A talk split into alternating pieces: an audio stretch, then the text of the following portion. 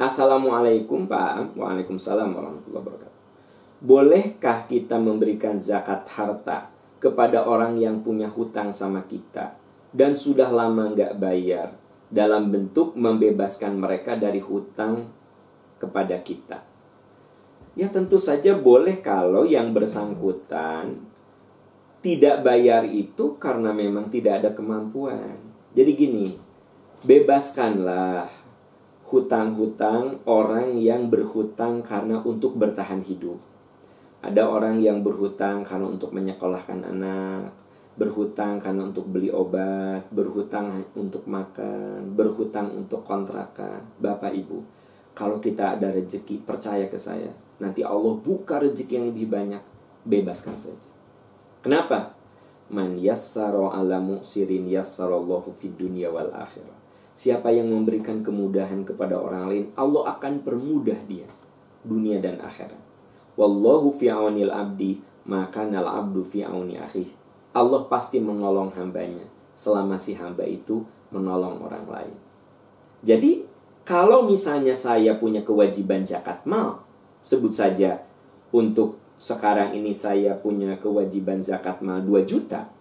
Ada orang yang udah lama berhutang dan saya tahu dia itu berhutang karena untuk berobat suaminya sakit. Dan sekarang saya juga tahu bahwa dia susah mengembalikan itu kepada saya, maka saya boleh mengatakan, "Ibu, ya, e, ibu kan punya hutang sama saya 2 juta. Ibu, mulai hari ini saya bebaskan. Ibu nggak usah memikirkan untuk membayar lagi. Semoga Allah memberikan rezeki sama ibu ya.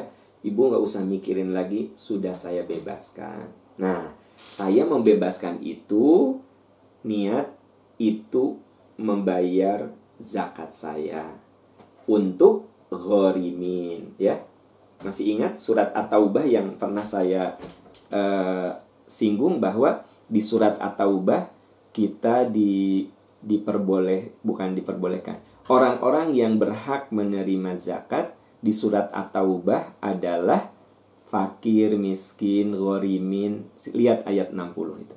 Nah, jadi yang Anda bebaskan itu gorimin. Orang yang terlilit hutang karena untuk kebutuhan-kebutuhan pokok gitu. Tapi nah, kalau Anda yang berhutang udah lama, sebenarnya dia tuh bisa bayar. Buktinya apa? Punya motor baru, punya mobil baru, punya tas baru. Nah, dia makan tidak punya itikad untuk membayar. Udah begitu, ya dia berhutang itu boleh jadi bukan karena untuk kebutuhan pokok, hanya untuk kemewahan. Nah, itu mah jangan dibebaskan. Kenapa? Sebab tidak ada unsur menolong dia. Tidak ada. Jadi Anda boleh membebaskan kalau ada unsur menolong. Masa orang yang motor bisa beli baru, mobil bisa beli, tas bisa beli, hutang belum bayar. Bagaimana itu? Nah, itu mah jangan dibebaskan. Ya. Oke, itu uh, apa yang bisa saya jawab dan oh ya, ketika Anda membebaskan Anda tidak perlu bilang gini, Ibu, ini ya saya bebaskan ini dari uang zakat saya ya, Bu. Nggak usah. Jadi begini teman-teman, zakat, infak, sedekah kalau diberikan langsung kepada orangnya tidak perlu ada ijab kabul. Kan nawaitunya sudah ijab kabul dengan Allah. Yang perlu ijab kabul teh kalau Anda datang ke lembaga. Anda datang ke Yayasan Percikan Iman ya.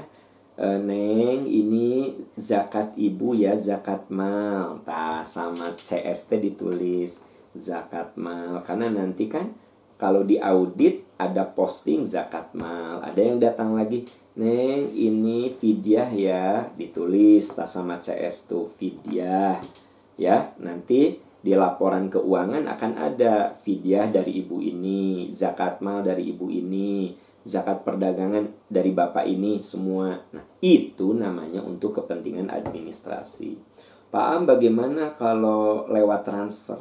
Ya lewat transfer kan biasanya itu ada peruntukannya transfer wakaf. Kayak saya suka mengumumkan Bapak Ibu kalau mau berwakaf ya, kalau mau berwakaf coba transfer ke Bank Mandiri 13.910.5008. Nah, di situ udah kita niatkan oleh lembaga bahwa itu teh kalau orang masuk ke rekening itu adalah wakaf. Maka Anda ketika mau transfer niatnya wakaf masuk ke rekening Bank Mandiri 13.910 5008 50008. Itu artinya apa?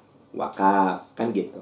Ah, saya mau mau sedekah nih, sedekah untuk apa pun pokoknya sedekah untuk mujahid eh, nafkah untuk mujahid dakwah kan sekarang ini eh, banyak yang terdampak karena COVID-19 itu kita bantu tuh para mujahid nafkah para mujahid dakwah nah saya suka umumkan silahkan ke Bank Syariah Mandiri 700 1022727. Nah, begitu Anda transfer ke situ itu teh sudah niatnya sedekah.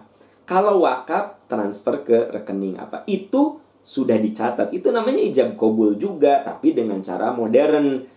Ada informasi dari uh, m-banking Anda atau dari struk uh, eh, ATM Anda, kan gitu, ya. Nah, tapi kalau ke orang Anda tidak harus ngomong ini zakat saya, ini kan Allah Maha tahu niat kita. Kita bilang, ini ada rezeki untuk Bapak. Gitu. Udah cukup. Nawa itu kita dalam hati itu bayar zakat, ya, gitu. Wallahu alam bisawab. Wallahu alam bisawab.